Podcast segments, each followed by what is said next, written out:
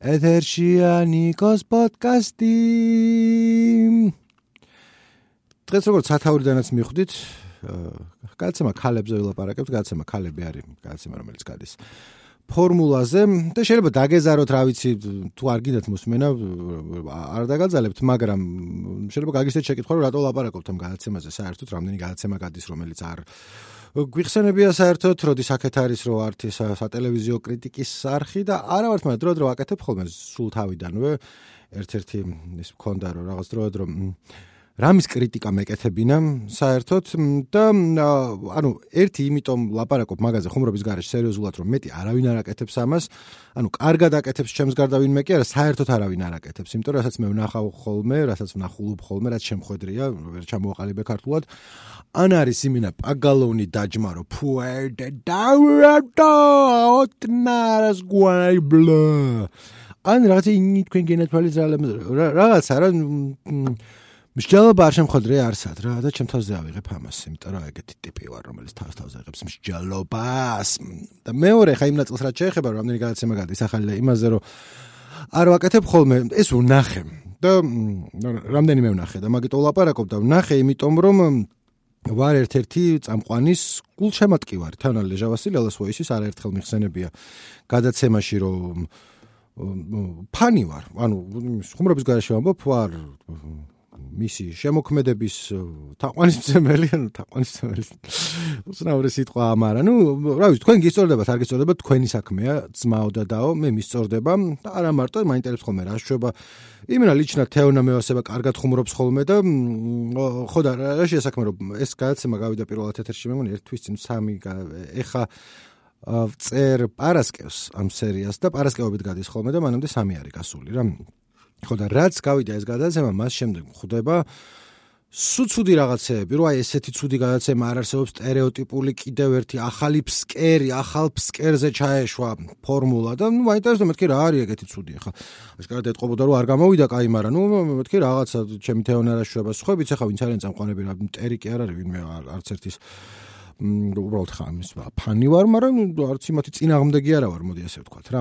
ხო და მე რომ ნახედა მომინდა რომ გაგიზიაროთ აზრები და ეგ სერია გვაქვს დღეს. ჯერ საერთოდ რაზეა ლაპარაკი, ვინც საერთოდ ვაფშე არ იცით, ფორმულა არის ეგეთი არხი და იქ გადის გადაცემა, რომელსაც ქვია ქალები.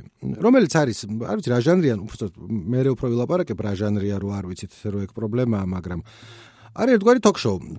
რომელსაც ყავს 4 წამყვანი, თეონა ახსენეთ უკვე, ლელას ვოისიდან უნდა ვიცნობდეთ, კიდე ალექსანდრა პაიჭაძე რომელიც ხა სახელი ვიცოდი სულ, მაგრამ მოდელი არის თუ Instagram influencer, Instagram მოდელი თუ უბრალოდ მოდელი, არ ვიცი, ლამაზი ქალი, რომელიც ცნობილია თავისი ლამაზი ფოტოებით. და კიდე წამყვანები არიან სალომე შარვაძე, რომელიც ჩემი ცოლის დაქალებიდან იცით, აი მორჩილი ცოლი რო იყო და მე ხმარს რო ღალატა და რო გაშორდნენ, რა ქვია, ქეთი ქვია. სერიალში, ну, მაგის ხმარს გიორგი ბოჭორიშვილი თამაშობს, რომელიც ეკრანზე, ანუ იქ სერიალში არის მაკარისირი და ისე ცხოვრებაში ყველა ამბობს, რომ არის მაგის საპირისპირო ტიპი, მე არ ვიცნობ, მაგრამ ვინც იცნობს, ყველა ამბობს, რომ აურა მაგარი ბიჭია, სულ იმის საპირისპიროა, რაც როლი აქვსო და ასევე მეოთხე წამყვანი არის ნანუკა გულუა. ასევე ჩემიცონის დაკალებში დოჩის რო თამაშობს. ადინგი ნამინი მანი მაგებს რა. ხო და კიდევ ერთხელ ხა რატო წერ ამ ყველაფერს? მეთქი, იმიტომ რომ ბოლო სამი კვირა გინების მეტი არაფერი არ შემხოდრია ამ გადაცემის Facebook-ზე. და მაგ განწყობით უყურე რომ მეთქი აუ ნახე რა ცუდი იქნება და რეალურად ხა კაი გადაცემა მოდი ახლა ნახე რა შეასაქმერო. დანარჩენი დრო ის უდიდეს ნაწილს ვილაპარაკებ იმაზე, რა ჭირს ამ გადაცემას და რომ არ არის კაი გადაცემა. ანუ არ ვეცდები დაგარწმუნოთ რომ კარგია, რომ უნდა მოწონდეს ვინმეს და არ ვაправებ და მაგაზე არ არის. მაგრამ ასევე ძალიან მოჭარბებული მე ჩვენა აი განსაკუთრებული აჟიოტაჟი რომ ეს არის ფსკერი და ეს არის სტერეოტიპები და რაღაცეების გაჯენა და ფულ სირცხვილი და ცოტა თან ასევე იმას მიქნა რომ ძალიან ბევრი კრიტიკა მოდიოდა წამყვანების მიმართ რომლებიც რომელიც მე ჩვენა რომ იყო ძალიან დაუმსახურებელი და ეხლა ვეცდები რომ ეგეც მაგაზეც ვილაპარაკო. მოკლედ წინასწარ შეჯამება რომ გავაკეთოთ ესეთი ვიტყვი რომ წამყვანების ბრალი არ არის, მაგრამ გადაცემა არ ვარგა და მე ვეცდები რომ ახსნა რატო. მაგრამ ჯერ მანამდე მოდი ვთქვათ ეს საიდან მოდის ხოლმე. რა რა მხრივ აკრიტიკებენ და როგორც ვთქვი, Facebook-ზე არაერთხელ შემხვდა, მაგრამ მე ვეძებე ვეღარ ვიპოვე ვერცხლოვე სამი კვირის წინანდელი და თან ის ადამიანი არა ვარ, რომელიც რამეებს სკრინავს ხოლმე და მე ინახავს, იმიტომ რომ 100 წელი და ზუსტად ვინ რა ილაპარაკა, ეგეც არ მახსოვს.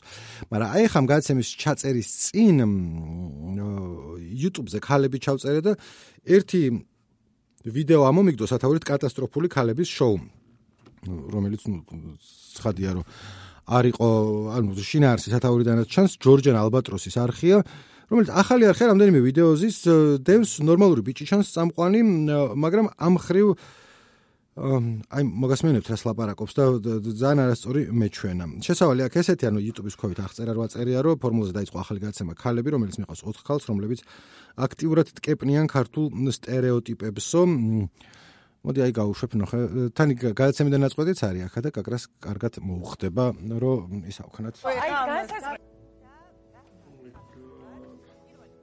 მეც ცოტა უკან გადავახო იმიტომ რომ თვითონ ხმა აქვს ამ ჯორჯან ალბატროს არასწორად გაკეთებული ვიზერას ვამბობ მეც მაქვს ხოლმე ეგრე მაგრამ არის ყველგან ახალი სახელით ხომ წამოვიდეს და მაგრამ ნახოთ ახლა სიტყვიან? როგორ როგორ წაიყვან? შიქ სამეგრელოდან გამოგზავნილი იმისთვის, რომ ყოველი პარასკევი გავხადოთ ძალიან სახალისო, ნათელი და ფერადი ჩემს ფერად გოგონებთან ერთად.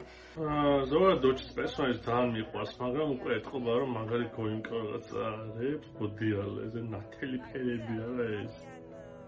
ალექსანდრამ უნდა გახსნას ეს. არა, მე არ გავხსნი. მე უბრალოდ მინდა რომ თქვენგან, აი ძალიან განსხვავებული და საინტერესო ბექგრაუნდის მქონე ქალბატონებისგან გავიგო რა არის ქალის დეფინიცია ზოგადად და მე მეც ვინ არა რა.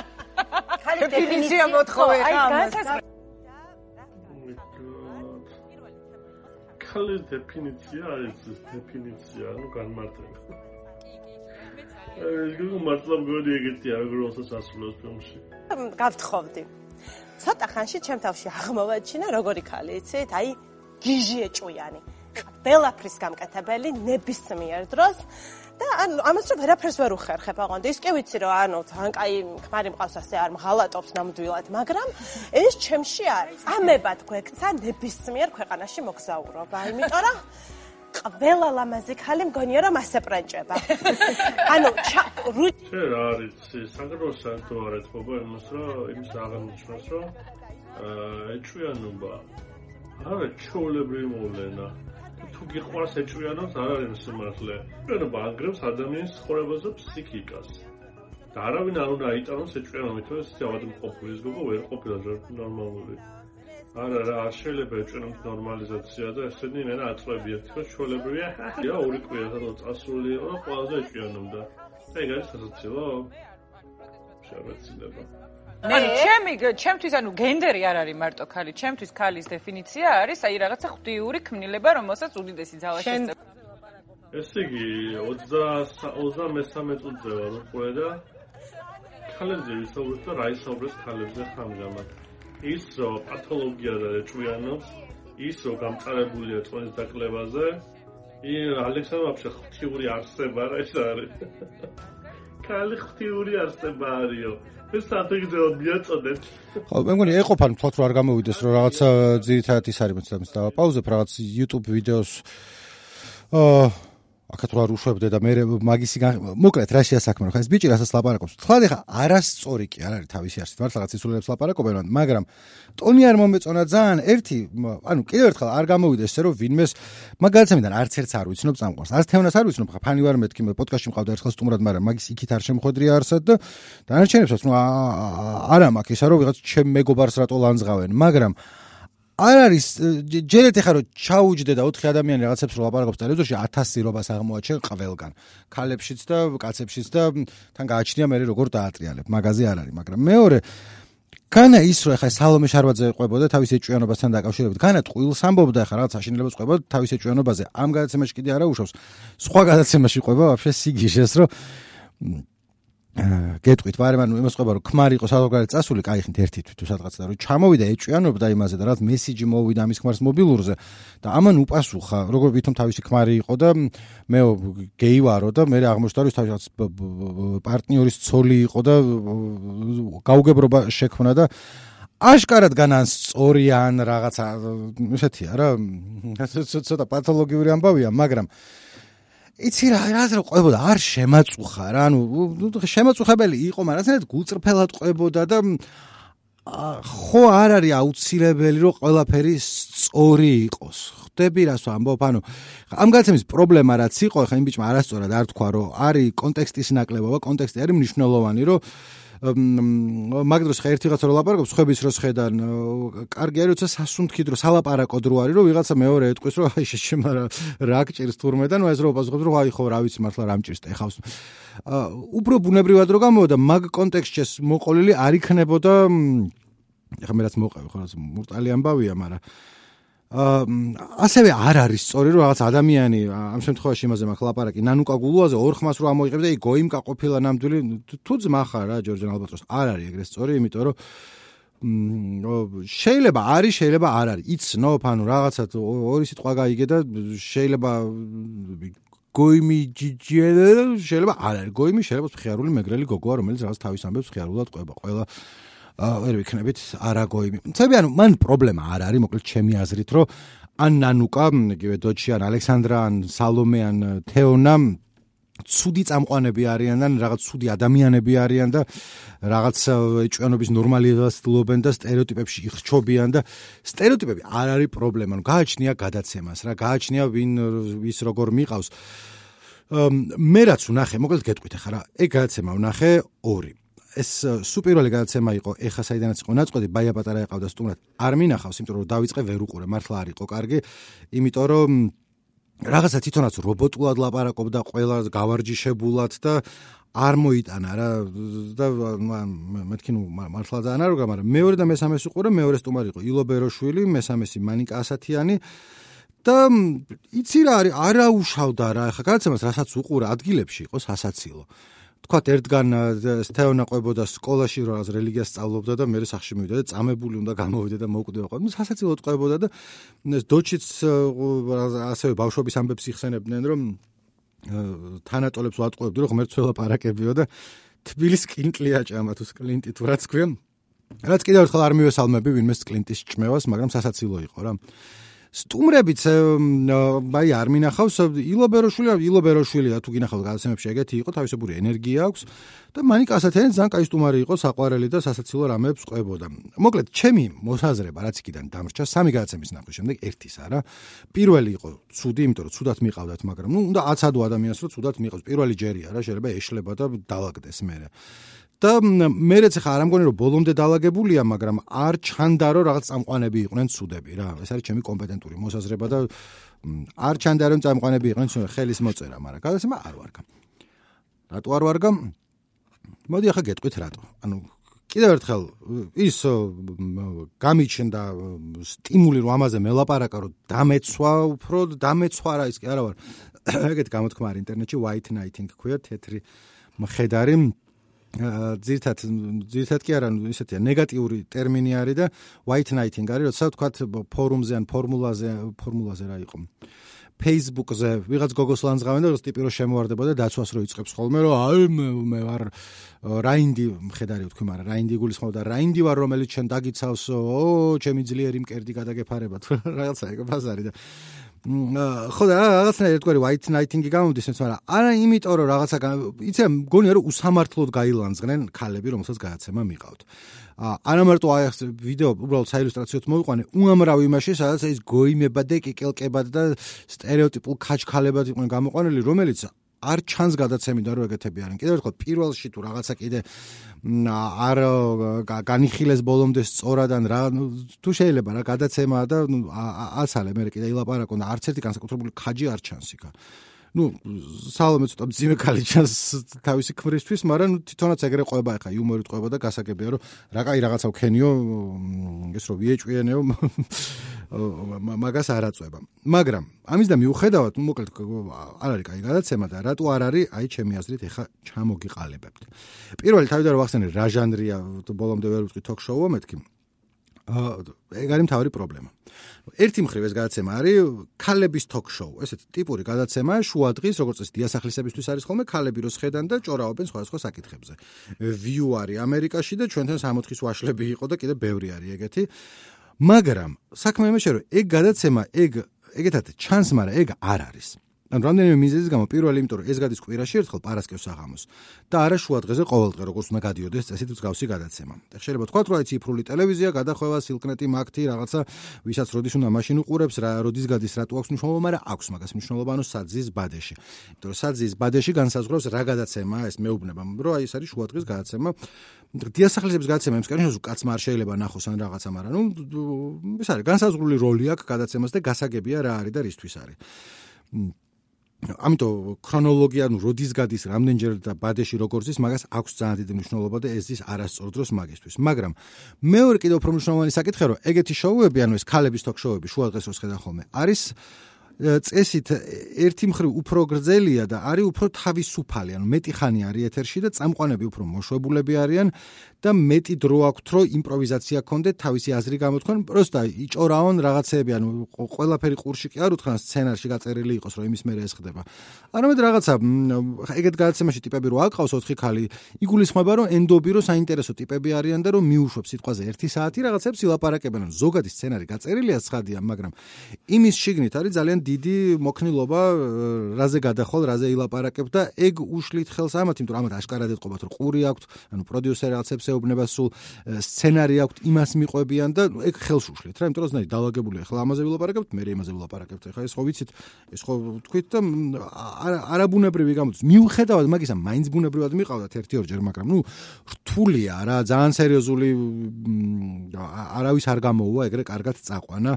როცა თან ერთი მხრივ თავისუფალი მოშვებული უნდა იყოს, თან რაღაცა სცენარის მიხედვით ჩაციკწიკებული მიყვები და თან მართლა ხანდახან საჭირო რომ უფრო ბუნებრივი რეაქციები ჩანდეს, რომ რაღაცა შეიძლება იდეაში სხვა რამე წერია სცენარში, რომ სხვა რამეზე უნდა ილაპარაკო, მაგრამ უზებ გაჭედო რომ მოდი ახლა ეჭვიანობაზე ვილაპარაკოთ. ანუ იდეაში ქალებზე იყო ლაპარაკი, მაგრამ მოდი ვთქვათ რა, შენ ხო ხვდებიან, უფრო ისე გამოდის, რა ბუნებრივად გამოდის და უკეთესი და ეგ არა აქვთ და ეგ უშლის ხელს. მოკლედ თქვით რომ ქალების შოუს გავს, მაგრამ მაინდა-მაინც არ არის. მაგრამ მეორე მხრივ რაც მგონია რომ მაინდა-მაინც არც მოიაზრება ეგეთ შოუთან. თავიდანვე არ იყო გათვლილი, ანუ რასაც ახლა ვამბობდი რომ არ არის მეთქე ეგეთი გადაცემა, თქვა არ არის, იმიტომ რომ არ იყო ეგრე ჩაფიქრებული.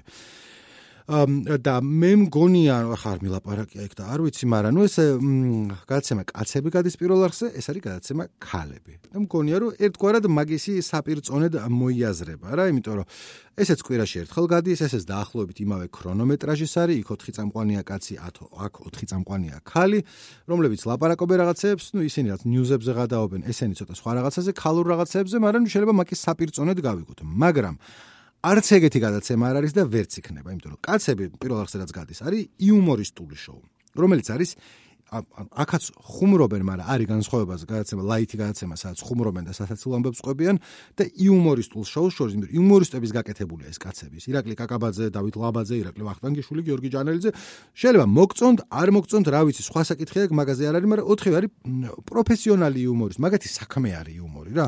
და ერთ-ერთი საუკეთესოები არიან საქართველოში, მაგაზე არავინ არ დაობს, შეიძლება ვიღაცას კიდევ ერთხელ არ მოგწონდეთ ან არ გეცინებოდეთ, მაგრამ ნუ ცნობილია კაცები იმით ეს შოუ არ არის მარტო ჩემი აზრით, თუმცა მეც ხშირად ვიზიარებ მაგასაც, რომ შეიძლება ყოველთვის სასაცილო არ იყოს, მაგრამ გოიმური როგორც წესი არ არის და ეგ არის იშვიათობა, იმიტომ რომ ქართულ ტელევიზიაში იუმორი ხშირად გოიმურისკენ გადადის ხოლმე. და ნუ კაცებს შეუძლიათ რომ არ გააკეთონ. თან მაგას თავისი მუღამი აქვს, ანუ კიდევ ერთხელ იუმორისტი რო ხარ, სხვანაირად ეხა კი არ დაუწყიათ რომ მოდი იუმორისტები გავს დიდი ხანი არიან, წლები არიან და მაგაც იმის მუღამი არის ის კაცების რა, რომ ლაივში წერენ გზა და გზა იმაშვებია რაღაცა ხუმრობებს იგონებენ და ეს ქალები წამყვანები მაგას არ ჩვევიან და ვერც იზამენ ან რანერდიზა მაგას პროფესიონალიზმი უნდა და მაგას უნდა წლების გამოცდილება. ნუ ეგეთი რაღაც არც უნდა დაავალო ადამიანს თუ არ არის, რავი, ჯანელა თუ არ არის, იმიტომ რომ თავისივე მოგონილი გადაცემა თვითონ იმას შვებიან და შეუძლიათ რა და ეხა და მაგათაც ყოველთვის არ გამოსდით. იმიტომ რომ არ არის ადვილი. ხო და აი ეს ჟანრული აღრევა ის რომ გადის გადაცემა რომელიც რა გადაცემაა მაინც ცხადი არ არის არავისთვის და ეჭვმაქ რო არც თვითონ გადაცემისთვის. მე აისახება ყველაფერში. აი სეტი თვითონ დეკორაცია რო ავიღოთ ხო თუ შეგიხედავთ მაგ გადაცემისთვის სეტი არის ეგეთი რაც მაგიდის გარშემო შეხედონ მაღალ სკამებზე აი ხა პონტის ქალების გადაცემა ცალსახად მოითხოვს სავარძლებს რომ ხჭისხდნენ და ეგ გავიარეთ, კაი, გადაცემა ზე დაწერია უზარმაზარად ლიდერბეთი, ანუ რეკლამა არის რა, რომელიც ლიდერბეთი არის მაგისი სპონსორი, რამედენი გადაიხადა ლიდერბეთმა, ან რატო გადაიხადა გადაცემა ქალებში? ან რამდენი გადაიხადა? ან ამათ რატო ერთადერთი გადაცემა აი სადაც შეიძლება რომ ესეთი უზარმაზარი ლოგო ედოს ზევიდან და არ გაბანძდეს მაშინვე მით უმეტეს ტოტალიზატორის თუ რაც არის ლიდერბეთი ტოტალიზატორია ხო? რა მნიშვნელობა აქვს? რაღაცა ბეთია. მოკლედ ყველა ვარიანტში ლიდერბეთი რასაც არ უნდა დააწებო ზევიდან ტეხავს მით უფრო ქალების შოუს გინდა ქალების შოუ იყოს და გინდა იუმორისტული ერთ-ერთი გამონაკლისი არის სპორტული შოუ სპორტულ შოუზე მოსულა იქ ეგრევე არ გაბაზდება, იმიტომ რომ რაღაცა ზის პონტში და შეიძლება თქვა რომ რა შუაში ეწეროს ლიდერბეთი და თუ გინდა კოკოლა ეწეროს და თუ გინდა რა საქართველოს ბანკი, მაგრამ არის შუაში, რა პირდაპირ შუაში არის, იმიტომ რომ ნახე ხარა შესაქმე კარგსა და ცუდ შორის განსხვავება არის დეტალებში. არა კონცეფტში.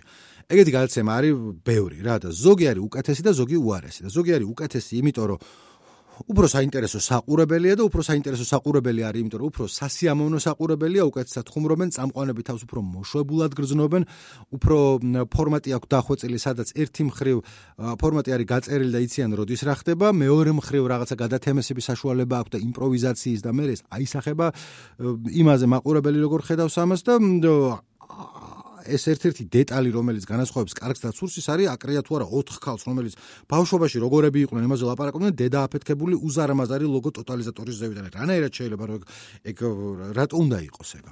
ნუ მანდ ერთ კიდე თავმოყარების ამავე გადაცემის მხრიდან, რომ როცა თქვა ლიდერბეტი გეტყვის, რომ ზევიდან ნახევარი კადრი იქნება ლიდერბეთის რეკლამა, თქვა რომ იცი რა, ხო კარგია, ნუ ფული კარგია, მაგრამ ნუ არ არ უხდება, არ შეიძლება ეგრე. ვისთვის არის აბა ეს გადაცემა? თან კი არ ვამბობ რომ აუცილებლად კაცებმა უნდა უყურონ ტოტალიზატორის რეკლამას თუ რაღაცა, მაგრამ ნუ ხა ეს ოხერი რა რატო არის ქალების გადაცემაში ლედერბატ ხო? თან ის კი არ მაქვს რა ის ტოტალიზატორების რეკლამა ბოროტება, მაგრამ რაღაც პონტეში რა ხა ზედ უზარმაზარად მალბორო რო ეწეროს, ეგეც ლამაზი იქნება. მე მგონია რომ არ იქნება, მაგრამ ანუ მოკლედ რა მაგაზე წვილა არ გავჭედე ანუ არ არის ყველაზე პრინციპული საკითხი ლიდერბეთი აწერია კოკოლა აწერია თუ რაღაცა სხვა აწერია არ არის ყველაზე პრინციპული მაგრამ არის სიმპტომური ანუ იმას ნიშნავს რომ რაღაცეებზე მიდიხარ კომპრომისზე სახელმწიფოს რომ ვიდი გექნება ცუდი გადაცემის, იმიტომ რომ ზედ უზარმაზარი ის აქვს არტყია ტოტალიზატორის რეკლამა, იმიტომ რომ ფული გადაიხადეს იმათთან, ნუ ახლა რამდენი გადაიხადეს რაღაც თუ ვაფშე არ არის ფული, მაშინ ნუაკეთებ რა. იმიტომ რომ მე ეგ აი ყველაფერი სიმპტომურია მეთქი ეგეთ დამოკიდებულება აისახება ვიზუალურ ყველაფერში. გადაცემას რაც უყურე არის გადაღებული უგულოდ. იმენა უგულოდ არის გადაღებული, აი არის გადაღებული განათებარი, როგორც სხვა გადაცემებს აქვს. რაღაცა ისეთი ორიანი კადრი, ორიანი კადრი, ოფში, ორიანი კადრი, ორიანი კადრი, ოფში. არ არის ნაზრუნი ვაფშე არის გოგოები კომფორტულად იყვნენ. ან კიდევ ერთხელ იმპროვიზაციის დრო კონდეთ ერთმანეთს შეხედონ რეაქცია გამოჩდეს, გადაძახილი კონდეს. ასევე არ არის გათვალისწინებული, რომ გადაცემას ქვია ქალები და 4 ქალიზის, ანუ ქალს და კაცს სხვადასხვანაირი გადაღება უნდა. ხო, ანუ იქ აქ მნიშვნელობა ეს არ არის სექსიზმი და რაღაცა ის ან შეიძლება არის და თუ არის და სექსისტურად ლაპარაკო ფეხზე მკიდია მაგრამ აქვს მნიშვნელობა რომ იქ მაგიდის უკან სიტყვაზე ჯანელაზის თუ ალექსანდრა პაიჭაძეზის ჩახსნილი პერანგით. ანუ ის არის რა კი არ ვამბობ რომ უნდა კამერა მივიდეს და ძუძუები გამოაჩინოს და რაც ობიექტიზავიზაცია მოახდინოს მაგრამ არის რა ხა ალბათ ხა ჯანელას არ აქვს პრეტენზია რომ ულამაზესი პიროვნებაა შესახედავად თან რაღაც ნაშაკაცია ხო?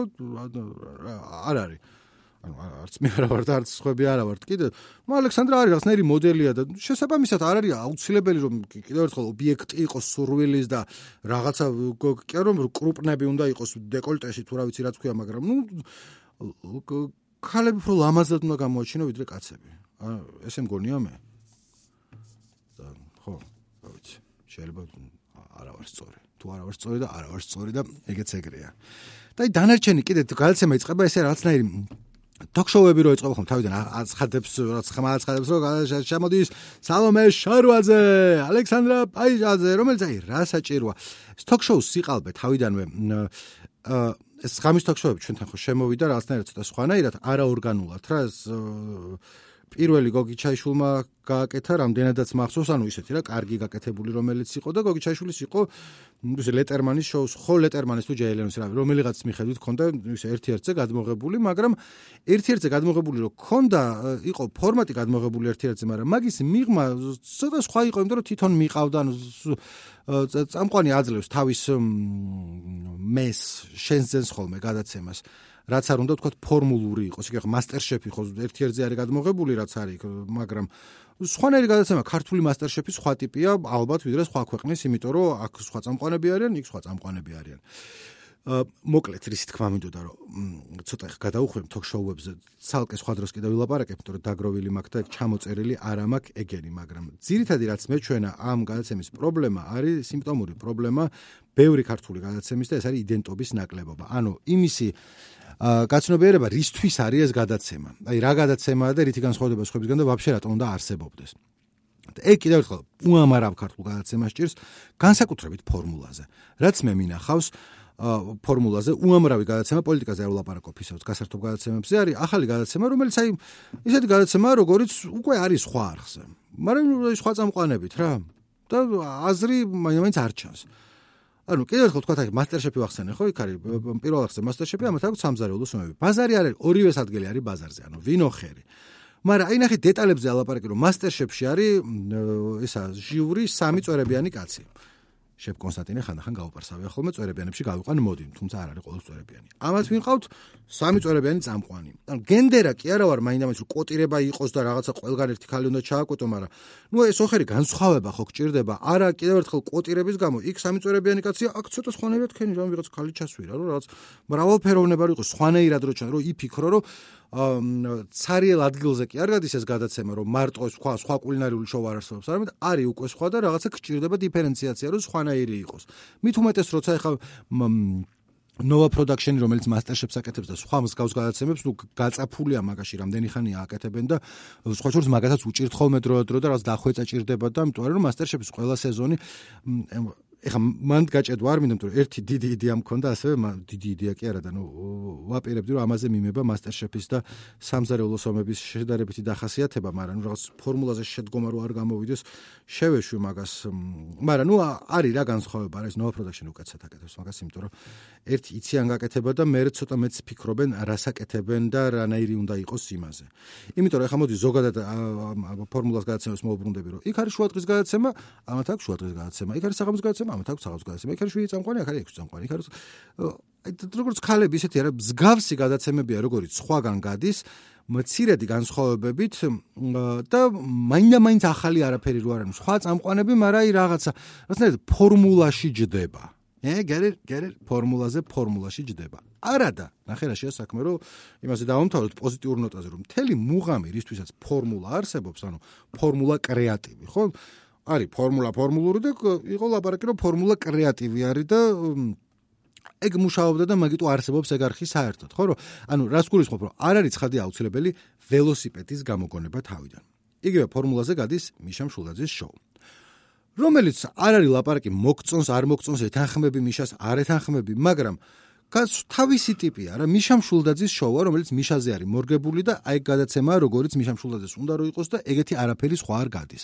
იმის და მიუხედავთ რომ ხამის შოუები მანამდეც ბევრი იყო და ეხაც გადის სხვაგანაც არანაირად ეხა ორიგინალური ფორმატი არ არის რაღაც დეილი შოუ იქნება თუ რაღაცა სხვა იქნება მსგავსი არის მაგრამ არავინ არ იტყვის რომ ზუსტად ეგეთია როგორც სხვა არის იმიტომ რომ აი მიშაზე არის მორგებული მიშა მშულდაძის შოუა და ხო ნუ იგივე ფორმატია რაც სხვა არავის არაფერი არ მოუგონებია რაღაცა თვისებრივად სუპერ ახალი მაგრამ იმას მომბრო შეხედავ ფორმულა არის მაგრამ კრეატივია სხვანაირია თავისი ტიპია ნუ ხალხი უყურებს და ევასებათ იმიტომ რომ ეგაცემა ევასებათ არა არაფრის პონტში არ არის. ანუ როგორც წარმომიდგენი არ დასხდნენ და კი არ თქოს, აი იმათ ეს გადაცემა აქვს და მოდი ჩვენც ეს გავაკეთოთ.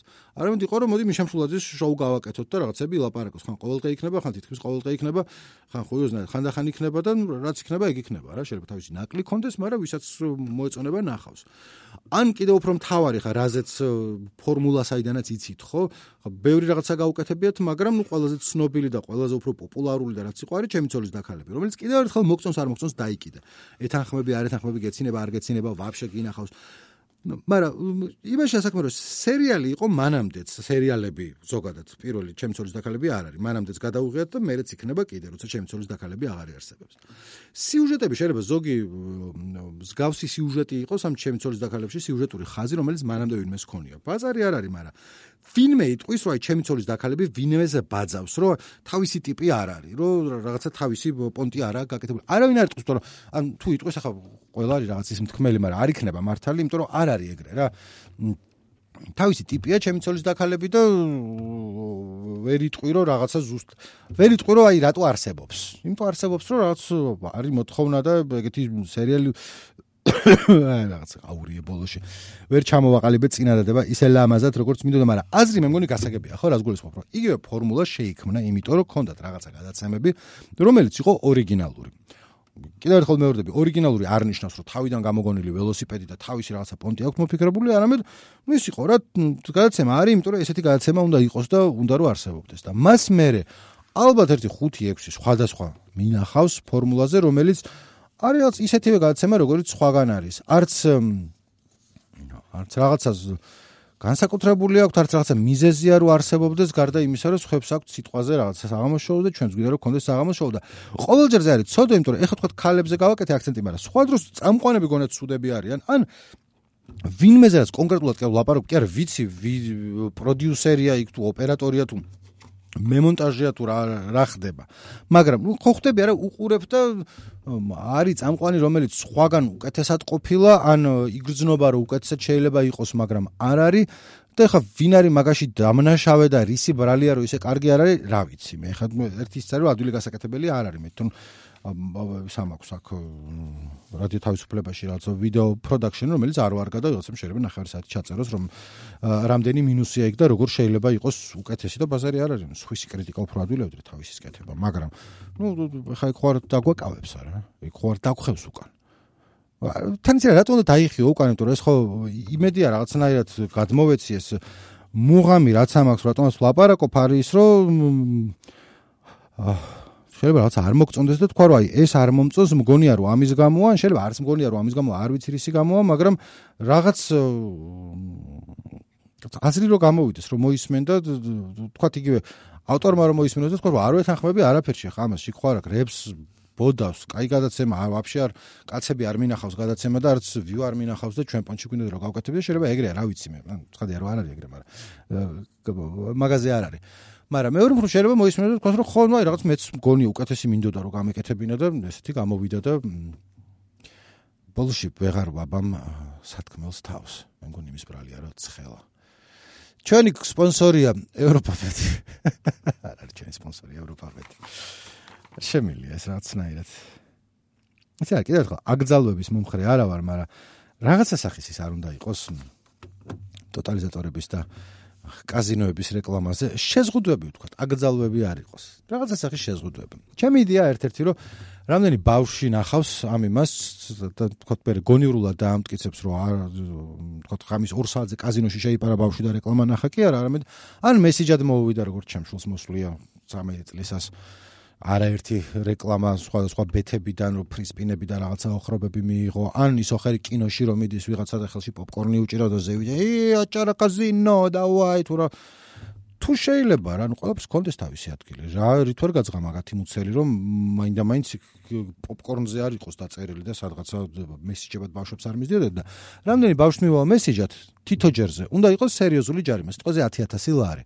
რომლიდანაც ნახევარს უხდის ოჯახს ან ბავშვს ან რაღაცა ბავშვის განათლებისთვის, ვისაც მიუვიდა. და მე ვნახოთ რამდენი მესიჯს გააგზავნიან.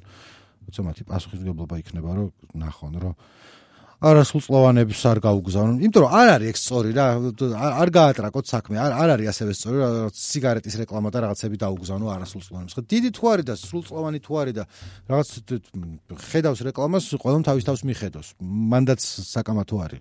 კი ბატონო, მაგრამ ნუ, კაი, ყველამ თავის თავს მიხედოს, მაგრამ ნუ ნუ აჩვენებს არასრულს ყონებს რაღაცა სპინების და ბეტების რეკლამებს. აა, აი, რა ვიცი, მეტი მაინა მეც არ ვფიქრ თქმა არ მინდა და ეს იყო ის რაც უნდა მეთქვა. კონსმეთ ნიკოს პოდკა უსმენთ რა დამავიწყდა რომ ეს გამეშვა. თავიდან იდეა მქონდა რომ ქალებზე რო ვიწყებდი ლაპარაკს ეს ფონად უნდა შემოსულიყო. და რაღაცები მელაპარაკა, მაგრამ ეხლა მაქვს ფაილი ჩაგდებული. ბოლოში ვეღარ ვამთავრებ ლაპარაკს. და ეს ტკივილიანად ვასრულებთ რა. ტკივილიანად ვასრულებთ. ხანდახან წერტილი უნდა დასვა ადამიანი. როგორც ჩემი ნაკლი ეს ყოფილა. ნიკას პოდკასტის სამყარო ნორმალური ტიპია, თუმცა წერტილის დასმა